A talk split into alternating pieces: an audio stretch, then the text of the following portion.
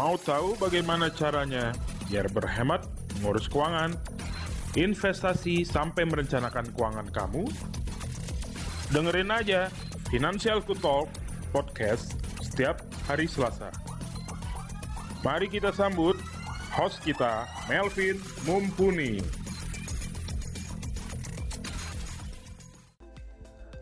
Hai guys, jumpa lagi bersama saya Melvin Mumpuni CFP, perencana keuangan dan juga founder dari Finansialku.com.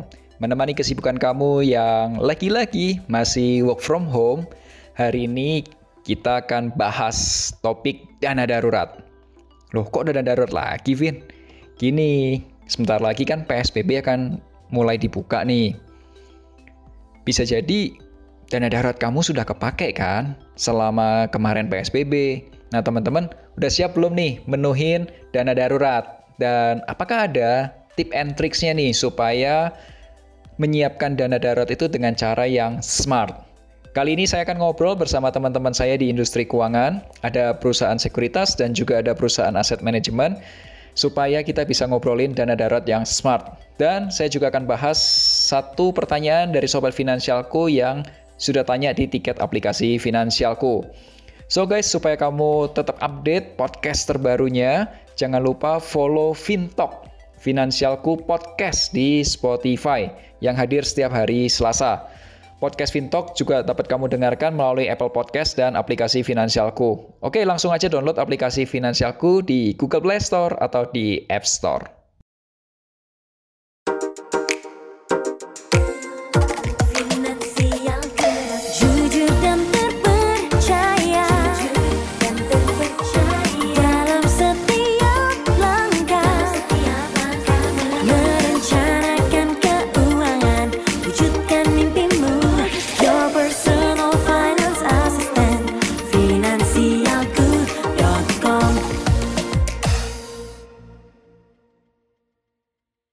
Sebelum bahas lebih detail, Sobat Finansialku, kamu juga dapat mengirimkan pertanyaan atau curhatan melalui fitur konsultasi keuangan di aplikasi Finansialku.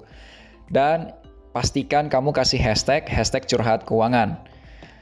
Kali ini pertanyaannya adalah, Pak Melvin saya ingin bertanya instrumen apa nih yang cocok digunakan sebagai dana darurat, khususnya untuk pemula yang mau beresin keuangannya. Terima kasih jawabannya ya Pak. Oke, kita langsung aja jawab ya pertanyaannya. Biasa, hashtagnya adalah hashtag let me share my view. Hai Kak, thank you pertanyaannya. Jadi kalau misal dana darurat nih ya, saya sendiri itu selalu punya konsep namanya ALIM.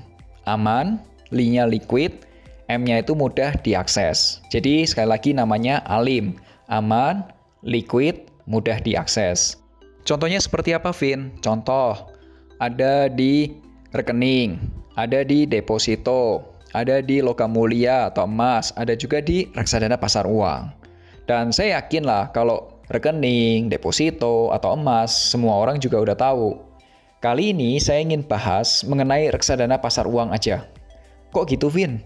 Karena dana darurat saya pun porsi terbesarnya ada di RDPU. Dan kenapa ini menarik? Supaya diskusinya makin seru, saya sengaja hubungi teman-teman saya yang bekerja di aset manajemen dan sekuritas untuk bahas reksadana pasar uang. Yuk, langsung aja kita diskusi bersama tamu saya. Siapakah itu?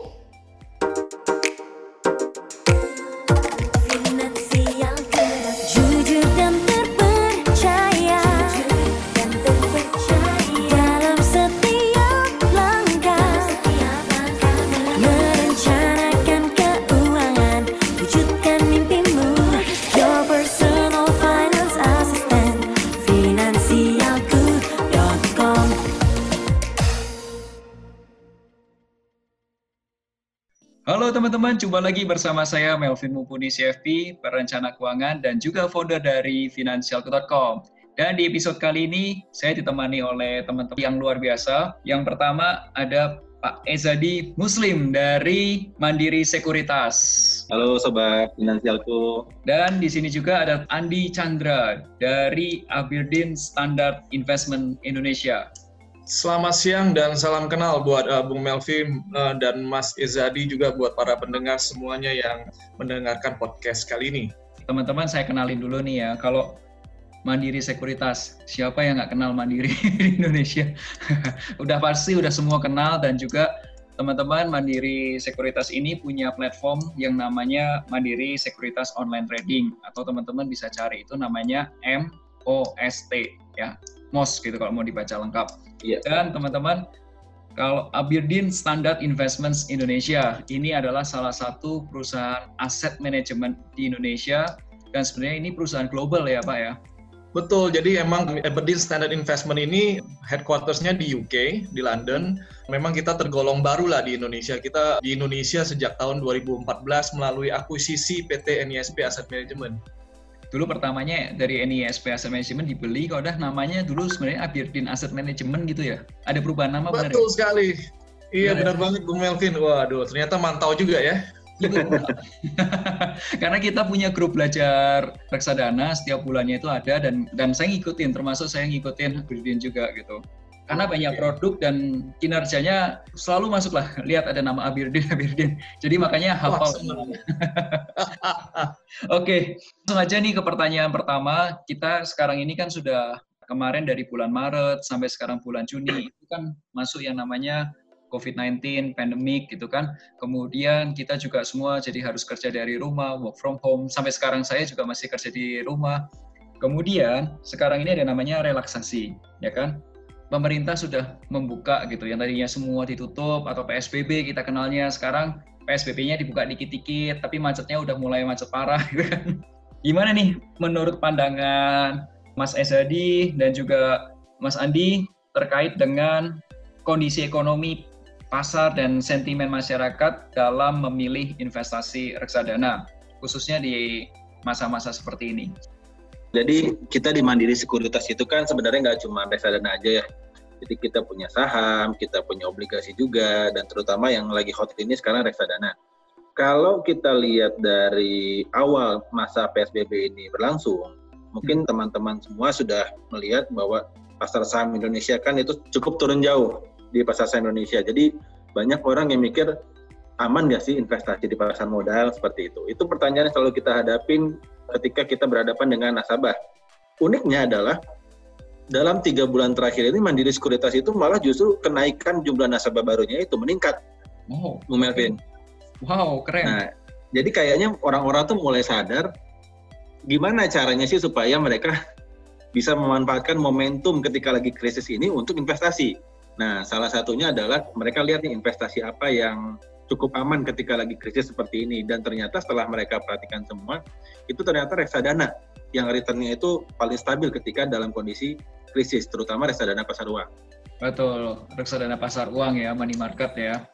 Wow, betul. I'm happy loh Mas Aizadi karena dibilang ternyata open account-nya bertambah, berarti bisa jadi teman-teman yang dengerin podcast ini juga ikut berinvestasi.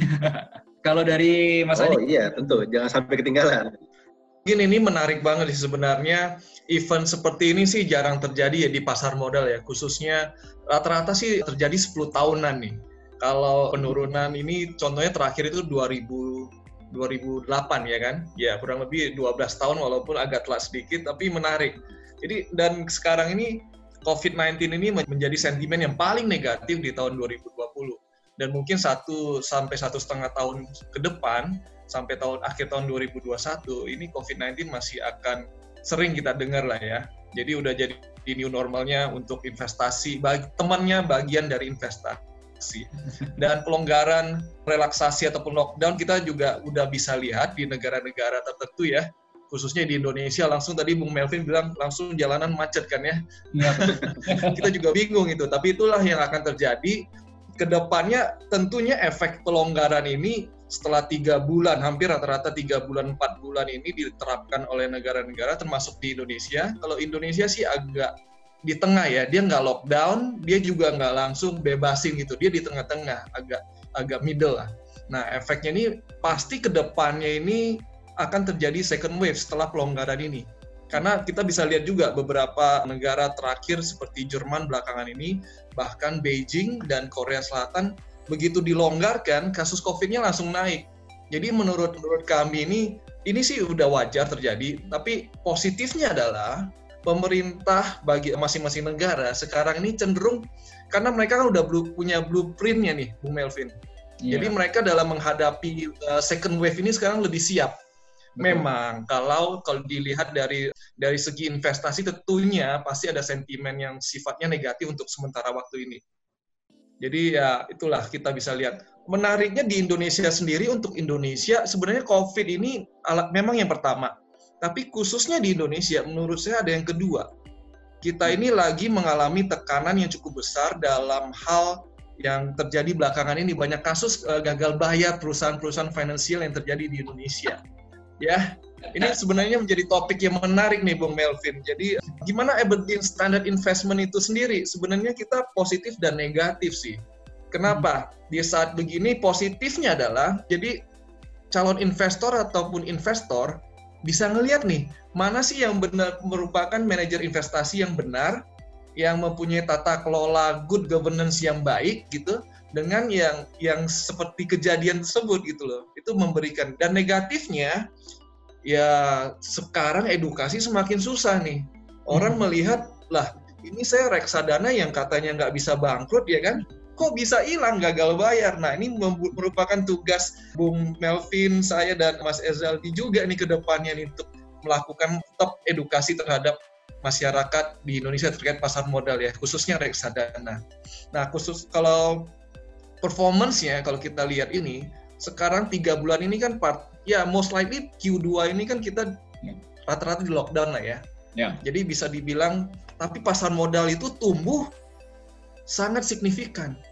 Yes. Khususnya di negara-negara seperti uh, Amerika Serikat dan Jepang dan khususnya Indonesia juga sempat minus kalau nggak salah 30-an sampai 40 persen ya, Bu Melvin ya.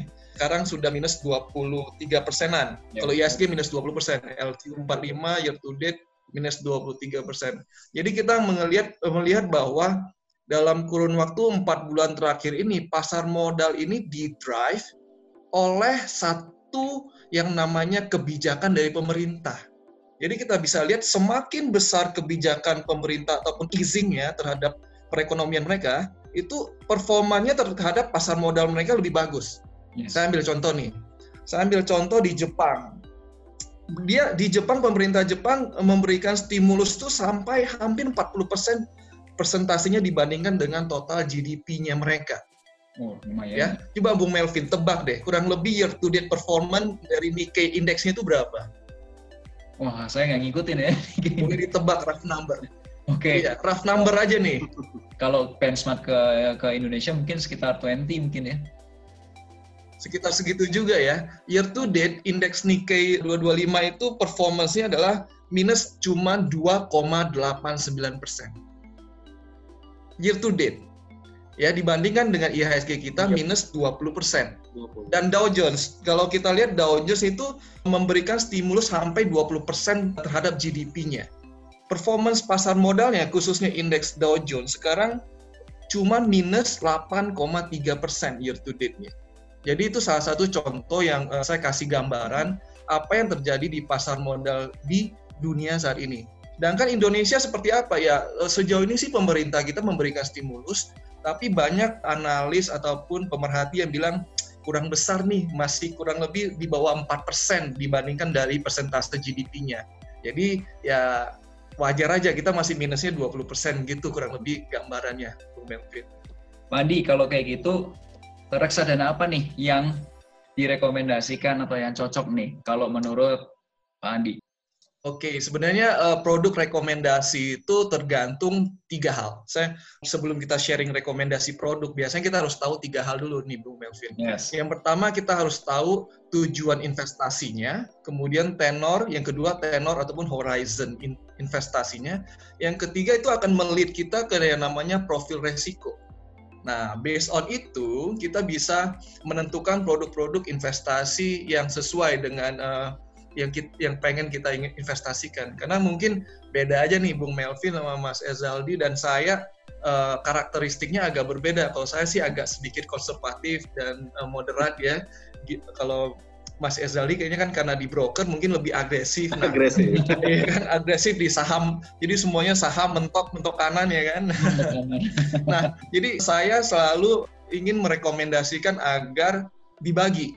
Nah, kalau saya pribadi saat ini kurang lebih komposisi saya adalah di 40% di equity, 40% juga di obligasi, dan 20% di money market. Kenapa? Kita melihat bahwa kan jarang-jarang nih saham diskon, ya kan, menarik tentunya. Dan obligasi juga cenderung performance-nya bagus ketika saham lagi koreksi karena mereka ada ada yang namanya kupon ataupun income yang di generate setiap periode tertentu. Dan kali ini saya juga memberikan porsi cash yang cukup besar, yaitu 20%. Karena kenapa? Ya, kita nggak tahu nanti tiba-tiba second wave ini bisa memberikan efek yang lebih parah dari yang first wave. Tapi ya. harusnya sih nggak nggak akan separah itu ya, kita lihat ya. Jadi rekomendasi saya ya itu tetap ya kalau formasi bola saya selalu ngomong kalau saya pribadi 442. 40% di saham, 40% di obligasi, dan 20% di uh, money market. Tapi tentunya itu harus kembali lagi ke tadi risk profile-nya kita, kemudian kita harus lihat tujuan investasinya dan berapa lama kita berinvestasinya. Yes. Uh, Andi, saya pernah punya episode di podcast juga. Setahu saya, singkat saya itu episode 60 gitu, cerita tentang reksadana pasar uang itu tuh penting juga atau bisa dipakai juga buat yang namanya dana darurat. Nah, kalau di Aberdeen sendiri punya produk seperti itu juga kan? Setahu saya punya money market tuh. Yes, benar. Uh, kita punya produk namanya Aberdeen Standard Indonesia Money Market Fund. Jadi ini produk ini memang berinvestasi di pasar uang. Jadi memang tujuannya juga salah satunya untuk sebagai boleh di sebagai dana darurat ataupun ketika bagi investor yang sangat pemula mereka ingin coba reksadana tapi masih deg-degan ya kan mau masuk ke reksadana saham kayaknya aduh belum punya pengalaman begitu turun 2-3 persen langsung langsung nggak bisa tidur ya kan ya mending ya saya saranin kita ada namanya reksadana pasar uang. Jadi reksadana pasar uang ini komposisinya portofolionya cukup aman dan resiko profilnya yang paling rendah di antara reksadana terbuka yang lainnya. Karena komposisinya ada deposito dan uh, surat utang baik itu korporasi ataupun perus pemerintah yang di bawah satu tahun. Jadi uh, biasanya nggak bergerak terlalu banyak lah harga obligasinya. Yes. Jadi teman-teman Aberdeen Standard Indonesia itu punya banyak produk ya. Setahu saya ya, karena saya setiap uh, bulan itu kan ngecek-ngecek reksadana tadi waktu di kelas juga kan. Itu saya tahu ada yang namanya punya produk balance balance ya, balance growth fund namanya nggak salah ya. Balance growth fund. Kemudian ada juga yang bond fund, government bond dan lain sebagainya. Tapi kita hari ini khusus ngobrolin yang money market dulu nih supaya teman-teman yang baru dengar tanya nih investasi apa nih yang cocok buat pemula yang aman gitu ya. Nah, saran saya adalah start dari money market dulu. Kenapa? Biasanya investor pemula itu nggak punya dana darurat. Jadi daripada nanti darurat dananya, udah mendingan ke dana darurat dulu pakai money market. Setuju ya, Pak Zadi? Mandi, kita bahas tentang yang money market dulu ya Pak ya? Oh, setuju, setuju. setuju Oke, okay. yuk. Mandi, saya, saya udah cek data dan saya lihat ini pertanyaannya agak teknis banget sih Pak, karena saya lihat ada beberapa produk itu di produk pasar uang, ini namanya Aberdeen Standard Investment Money Market Fund. Oh, panjang ya. Saya singkat boleh lah ya Pak ya? ASI MMF gitu ya? Boleh, boleh. Boleh, boleh singkat gitu ya? Yes, boleh. Aberdeen Standard Indonesia Money Market Fund. Boleh. Nah, Aberdeen Standard Investment Money Market Fund. Nah, ini aku lihat angkanya itu teman-teman, ini angkanya itu bagus. Sharpie-nya positif. Artinya perbandingan antara return dibagi risikonya itu positif. Itu bagus banget. Karena banyak juga yang negatif kan. Nah, ini positif, bagus. Kalau sudah turunnya dari yang tertinggi sampai ke bawah itu biasanya disebut drawdown itu itu 0%. Ini ini ini keren banget sih dalam jangka pendek ini turunnya 0%. Artinya produk ini tuh dalam jangka pendek itu dia naik terus nih. Kemudian minimal pembeliannya bisa 100 ribu lagi. Nah, mumpung nih ada orang dari Aberdeen-nya langsung, boleh jelaskan dong, ini produk itu sebenarnya produk apa ini kok bagus gitu ya? Oke, okay, uh, thank you bro. Jadi sebenarnya produk ini memang kategori dari segi profil resiko ini yang paling rendah karena diinvestasikan pada portofolio pasar uang. Pasar hmm. uang itu apa sih? Jadi obligasi yang di bawah satu tahun, deposito dan kas yang setara kas lah ya. ya. Nah, Jadi kalau saat ini yang namanya deposito harusnya kan nggak bisa uh, kecil kemungkinannya ya untuk bisa minus kecuali tiba-tiba kita deposito di satu perbankan dan perbankan tersebut bangkrut. Nah itu tapi bagusnya sekarang ada LPS juga jadi kecil kemungkinannya. Itu salah satu yang penyebabnya kenapa bisa drawdown-nya itu 0% gitu. Hmm. Dan kita lihat ada 50% yang lain kita investasikan untuk memberikan imbal hasil yang lebih menarik di atas deposito, kita berinvestasi di portofolio obligasi korporasi yang di bawah satu tahun jatuh temponya. Jadi hmm. kalau yang namanya obligasi korporasi di bawah satu tahun, cenderung itu pergerakannya nggak ke mana-mana. Cuman imbal hasilnya lebih tinggi di atas dari deposito. Dan yang menariknya adalah di Indonesia khususnya, uh, kenapa kita besar di 50% di obligasi korporasi? Karena kalau gini nih banyak yang nggak tahu nih Bung Melvin. Jadi gini, kalau di Indonesia individual saya pribadi kalau beli obligasi korporasi itu kena teksnya 15%. Kalau kita masukkan ke dalam reksadana, reksadana yang beli obligasi korporasi itu, itu cuma kena 5%. Jadi masih ada insentif dari pemerintah. Itulah yang membuat reksadana money market ini sangat ber, kembang pesat ke depannya ini. Ya. Karena resikonya hampir kecil sekali ya dan cenderung imbal hasilnya di atas deposito. Tapi ingat juga semakin besar porsi obligasi korporasinya reksadana pasar uang tersebut ya semakin beresiko Betul. terhadap kegagalan bayar dari suatu uh, korporasi. Tapi itulah di situlah tugasnya kami para manajer investasi yang menentukan suatu obligasi itu layak untuk dibeli atau enggak. Jadi kita ya. sudah melakukan research terlebih dahulu tuh, kita ketemu dengan manajemennya. Itu yang kita lakukan. Uh, Jadi ini makanya ini tadi kalau waktu aku cek ya, kok di sini pantas saja nih banyak juga yang apa di surat utangnya juga porsinya juga gede ya. Obligasi itu teman-teman tuh disebut obligasi itu adalah surat utang sebuah perusahaan atau sebuah negara. Yang di dalamnya produknya ASI, MMF ini itu lebih banyak ke surat utang atau korporasi ya, obligasi korporasi ya. Tapi yes. jangkanya pendek, jadi jatuh temponya itu maksimal satu tahun. Berarti itu satu tahun atau kurang gitu. Dan biasanya kalau satu tahun atau kurang itu risikonya rendah sih sebenarnya termasuknya. Karena durationnya pendek. Betul.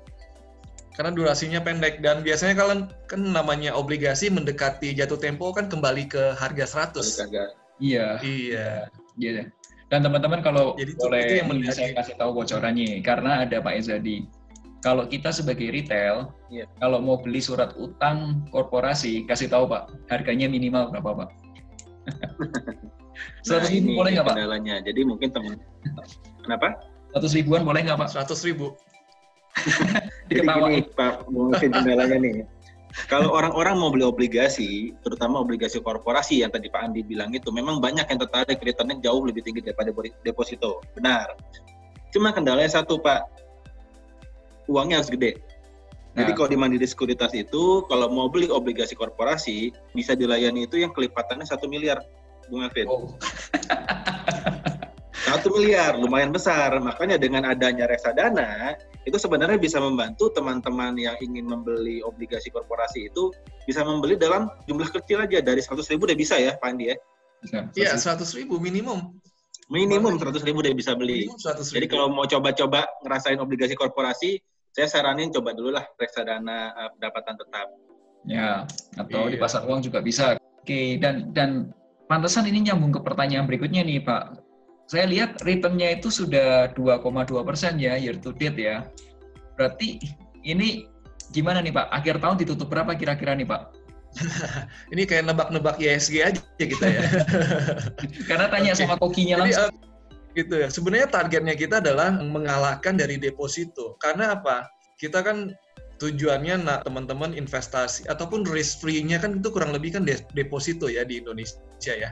Jadi kalau kita lihat awal tahunnya year to date aja 2,2 persen dan uh, mungkin ya targetnya kita selalu di tolak ukurnya kita tuh adalah di atas tuh rata-rata deposito satu bulan. Ya, oh. itu targetnya kita. Jadi selalu kita pengen memberikan imbal hasil di atas deposito. 5 sampai 6 kekejar, Pak um, nah itu sebenarnya money market ini cukup menarik nih Bung Melvin. Sebenarnya kita bisa ningkatin sampai 7 sampai 8 persen sebenarnya bisa. Cuma Oh, iya? tergantung dari manajer investasinya. Bisa sampai Contohnya, kalau kita kan 50% di deposito ya, 50% lagi di korporasi. Tinggal tinggal pilih 50 de- 50% depositonya ini mau diperbankan buku berapa. Kalau buku 3 dan buku 4 yang diambil oleh Aberdeen Standard ini, ya kurang lebih kita returnnya juga sekitar 4,5 sampai 5%. Tapi kalau kita mau turunin, kita mau investasi di buku 1, buku 2, bahkan BPR, itu bisa memberikan imbal hasil. Cuman kayaknya kita nggak ke arah ke sana tuh Bung Melvin. Kita cenderung jaga resikonya di tengah, jangan terlalu yang uh, agresif. Jadi kita cenderung berdeposito di buku 3 dan buku 4 dan obligasi kor- korporasi juga yang uh, di atas investment grade. Itu yang kita cari. Jadi uh, porsinya juga 50-50 aja untuk jaga likuiditas juga. Oke, mungkin teman-teman yang dengar belum pernah apa namanya asing ya dengan istilah buku ya. Buku itu tuh istilahnya apa ya? Bank umum berdasarkan kegiatan usaha berapa gitu ya. Kalau yang tiga dan empat itu kelasnya tuh kayak kelas yang keempat itu setahu kayak BCA, BRI, Mandiri, ya PNI itu semua buku empat kan ya kalau yang itu ya udah gede-gede semua itu. Berarti memang beneran Betul, cari yang perusahaan gede-gede semua itu. Ya, Bagus. karena ya kita juga was-was kan kita taruh deposito di perbankan yang kondisi sekarang ini kan kita lihat after COVID-19 ini banyak perbankan yang mengalami likuiditas nih. Jadi kita nggak enak nyebut merek kan. Belakangan ada deposito lagi susah dibayar ini. nah itu bahas- bahaya kita juga. bahas di balik podcast. Oke, itu menarik itu. Episode selanjutnya Bung Melvin. Oke. Wandi, ini kalau misal ada orang yang mau beli atau teman-teman ada yang mau beli nih reksadana Aberdeen Standard Investment yang money market ini, Aberdeen yang money market ini, belinya lewat mana nih, Bang? Um, nah, sebenarnya produk-produk reksadana Aberdeen Standard Investment Indonesia itu dapat dibeli melalui ag- agen penjual kami. Ya, salah satunya dalam hal ini adalah Mandiri Sekuritas. Dan gampang, kita semua informasi tentang produk kita tuh ada di websitenya kita, eh, kami www.aberdeenstandard.com dan nanti mungkin untuk lebih detailnya, nah Mas Ez- Ezaldi nih yang bisa lebih kasih gambarannya untuk pembelian melalui Mandiri Sekuritas itu seperti apa. Mereka ada aplikasi yang keren banget ini. Iya. Mungkin makasih Pak Andi. Mas. Ezaldi. Mas Ezadi. Makasih Pak Andi. Jadi eh, Bu Melvin, ini saya menambahkan sedikit dari penjelasannya Pak Andi. Jadi salah satu produk yang dijual oleh Mandiri Sekuritas itu adalah produknya dari Aberdeen Standard Investment Indonesia. Eh, di situ kita jual berbagai macam produk, termasuk yang produk reksadana pasar uangnya ini. Jadi kalau misalnya teman-teman ada yang berminat untuk membeli produknya Aberdeen, mereka bisa langsung aja install aplikasi kita MOST Mandiri Online Securities Trading. Lalu di dalam situ kita ada namanya fitur Most Fund, yaitu aplikasi untuk membeli produk-produk reksadana yang dijual di Mandiri Sekuritas. Nah, ketika ingin membeli produknya Aberdeen, itu di dalam situ kita bisa melihat Aberdeen itu MI profilnya seperti apa. Jadi kalau misalnya dari tim investasinya berubah ada perubahan atau enggak. Tapi yang paling penting adalah kita juga menampilkan prospektus dan fund fact sheet yang diberikan oleh pihak Aberdeen itu setiap bulan diupdate terus. Jadi kalau misalnya tadi Pak Melvin bilang ini di dalam produk reksadananya ini ada underlying asetnya, deposito, surat berharga, dan lain-lain itu sebenarnya bisa dicek dari situ Pak Pak Melvin. Melvin. Mas Ezadi, ini biar teman-teman pada ngecek ya. Saya nggak kasih tahu nih isinya apa, teman-teman langsung aja download aplikasinya. Nama aplikasinya sekali lagi Oke. Mas. Eh, Nama aplikasi kita itu MOST. Jadi kalau misalnya teman-teman pakai Android bisa buka Play Store-nya atau buka App Store yang pakai iPhone, itu bisa cek di search aja Mandiri Sekuritas. Nanti di situ ada logo aplikasi kita tuh bentuknya warna bulat warna kuning. Ya, Itu tulisannya MOST. Seperti itu, Bung Melvin. Yes. Dan kalau misal kita beli lewat situ, misal katakan kita beli reksadana Aberdeen itu lewat MOST itu atau aplikasi MOS itu, keuntungannya apa nih? Lumayan banyak nih jawabannya apa aja sih keuntungannya dari membeli reksadana di Mandiri Sekuritas. Pertama-tama, itu mudah, Bung Melvin. Hmm. Mudah itu kenapa? Karena pertama, kalau orang mau investasi langsung ke produknya pasar modal seperti saham, obligasi, dan sebagainya, itu kan dia harus mikir mau beli apa. Nah, dengan dia beli reksadana, dia sudah membeli produk investasi yang dikelola oleh manajer investasi profesional seperti Aberdeen. Tuh. tentunya otomatis uh, manajer investasi ini diawasi oleh OJK dan ini sebenarnya sangat cocok sekali untuk investor pemula atau investor yang tidak mau ambil pusing ini kan cuma dana darurat. Saya mau pakai mau taruh uang saya di reksadana pasar uang. Mana nih yang resikonya paling rendah? Itu di reksadana pasar uang. Salah satunya yang dijual oleh uh, Aberdeen Standard Investment Money Market Fund ini. Yang kedua pembelian di Mandiri Sekuritas itu praktis. Kenapa saya bilang praktis? Karena cukup dengan handphone aja. Teman-teman sudah bisa beli transaksi reksadana secara online. Bisa kapan pun dan di mana pun. Untuk pencairannya juga lebih gampang daripada deposito karena deposito kan kalau kita tahu ada masa jatuh tempo ya. ya. Nah, kalau misalnya berinvestasi di reksadana pasar uang itu bisa dicairkan tanpa harus menunggu waktu jatuh temponya. Yes. Seperti itu Bu Melvin. Yes. Untuk pembelian reksadana pasar uang itu bisa dimulai dari uang 100 ribu saja. Jadi kalau misalnya buat teman-teman nih, misalnya yang generasi milenial, misalnya buat yang anak-anak kuliah, saya mau mulai investasi, tapi saya harus mulai dari mana? Selalu saya sarankan mulai langsung dari reksadana pasar uang. Dirasain dulu gimana rasanya berinvestasi, nanti mulai dari sana baru perlahan-lahan mencoba produk-produk yang lain.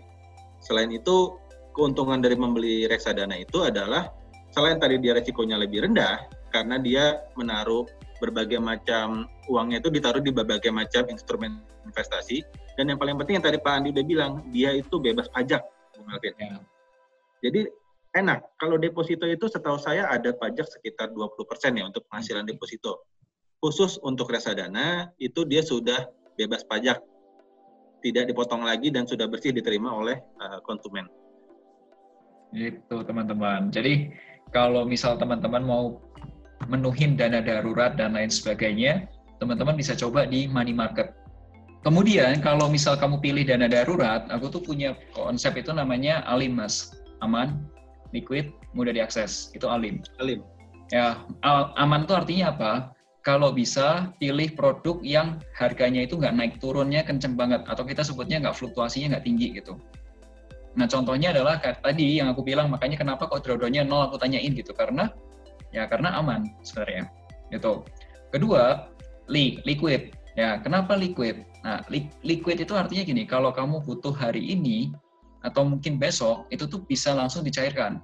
Semua reksadana itu bisa kamu cairin itu kecuali hari Sabtu Minggu ya. Sabtu Minggu pasar tutup jadi nggak bisa dicairkan. Yeah. Biasanya di hari kerja, betul ya? Dan mudah diakses betul. karena langsung ditransfer ke rekening kamu.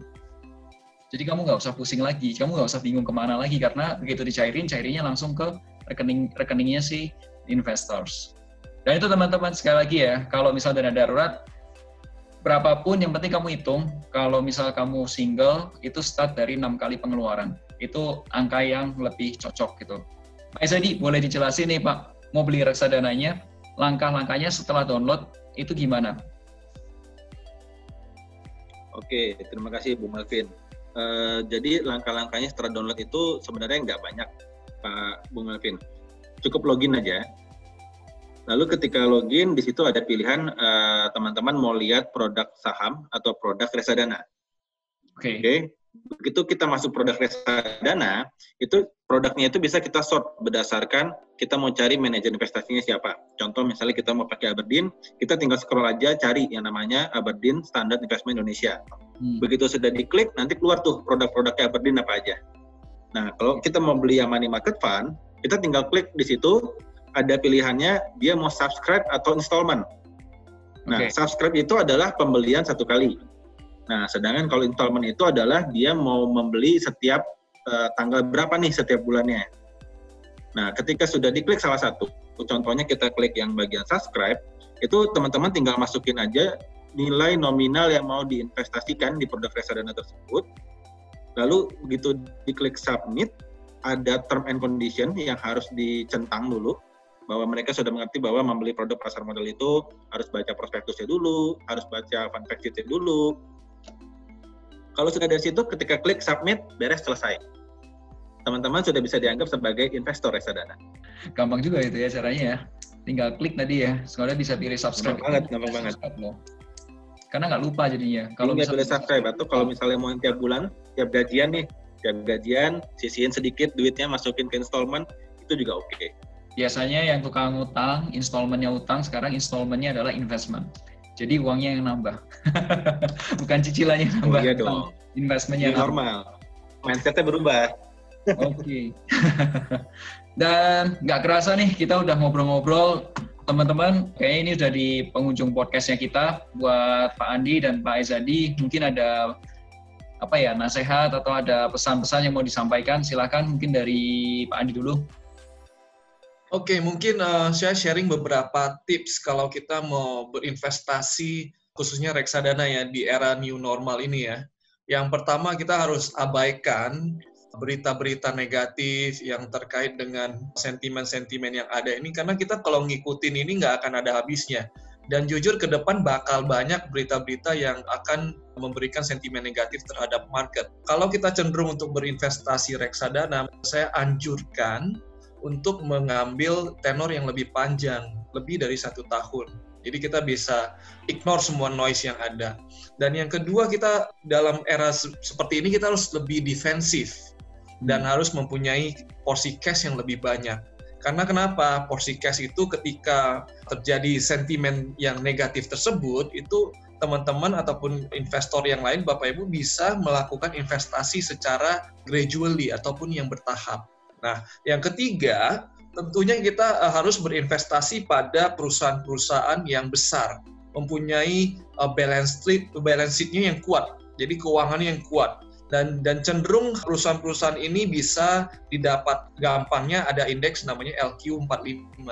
Jadi itu Yes. gampangnya. Karena di era kondisi seperti ini, eh, cenderung perusahaan-perusahaan yang besar ataupun perbankan ataupun perusahaan apa pun yang besar itu cenderung lebih kuat ya. Dan yang keempat ini mungkin jadi jangan investasi kalau wah, ini udah, udah lebih advance ya, eh, Bung Melvin. Kita harus cari perusahaan-perusahaan yang nilai eh, yang mempunyai hutang rasio hutangnya yang rendah. Hmm. Karena kenapa? Karena kan bisnis ini kan nggak jalan, ya baru recovery, baru PSBB baru dibuka. Jadi perusahaan-perusahaan dengan porsi hutang yang besar itu cenderung mengalami kesulitan likuiditas. Ya, kebanyakan tips jadi ya. jadi dan kita lihat yang terakhir kalau Indonesia ini agak menarik. Kita ini Q1 atau kuartal pertama pertumbuhan kita ini nggak mencerminkan nggak mencerminkan COVID-19 ya karena kita baru declare kena COVID-19 itu di di Februari dan Maret. Jadi Hmm. Q1 kita masih tumbuh. Namun waspadai hasil ataupun namanya berita-berita nanti yang akan keluar di bulan Juli nanti. Hasil dari kuartal kedua. Nah, itu harusnya itulah baru fully impact terhadap perusahaan-perusahaan yang uh, earning mereka tuh di Q kedua itu seperti apa kita baru bisa tahu nanti di bulan Juli Q uh, kuartal ketiga. Setuju. Itu aja sih mungkin tip-tipnya Jan. Baik. Thank you, thank you Pak Adi. Kalau dari Pak Ezadi ada tambahan apa nih Pak? Wah, tadi saya agak susah juga nambahin Pak Andi udah banyak banget yang ngasih tips-tipsnya nih. Kita mungkin ngelihat lebih simpelnya aja nih Bung Melvin. Sekarang kan orang banyak yang takut investasi. Mm-mm. Saran saya jangan. Mereka takut nanti marketnya ke depan mau kayak gimana, nggak usah mikir ke situ dulu. Mulai aja dulu investasi. Kalau misalnya takut marketnya ke mana-mana, pilih produk seperti Aberdeen, standard investment yang money market fund tadi. Fluktuasinya rendah, cenderung aman. Masuk ke situ dulu. Nggak ada alasan dia nggak punya uang karena semua bisa dibeli dari uang 100 ribu rupiah. Yes. Itu cukup gampang, Pak Melvin. Ya nggak usah di itu lagi, nggak usah dipikirin lagi nanti di kita new normal itu seperti apa, ke depannya iya aja bakal seperti apa. Yang penting kita mulai aja dulu. Mulai aja dulu, kita masukin duit kita ke reksadana pasar uang. Dari situ kita akan lihat growth-nya gimana ke depannya. Setuju. Itu aja mungkin tips dari saya, Pak Bung Melvin. Baik teman-teman, ini semua udah dijelasin semua. Semoga diskusi kita hari ini dapat bermanfaat buat teman-teman. Dan tadi yang paling penting adalah dalam kondisi seperti ini harusnya perkuat dulu dana daruratnya. Ya, jangan sampai Betul. lupa perkuat dulu dana daruratnya sebelum kamu mikirin investasi yang lain-lainnya dulu. Yang penting dana darurat harus punya. Dan pilih yang paling alim, aman, liquid, dan mudah diakses. So teman-teman, terima kasih yang sudah dengerin podcast kali ini. Sampai jumpa di episode berikutnya dan akhir kata, make a plan and get your financial dreams come true. Sampai jumpa.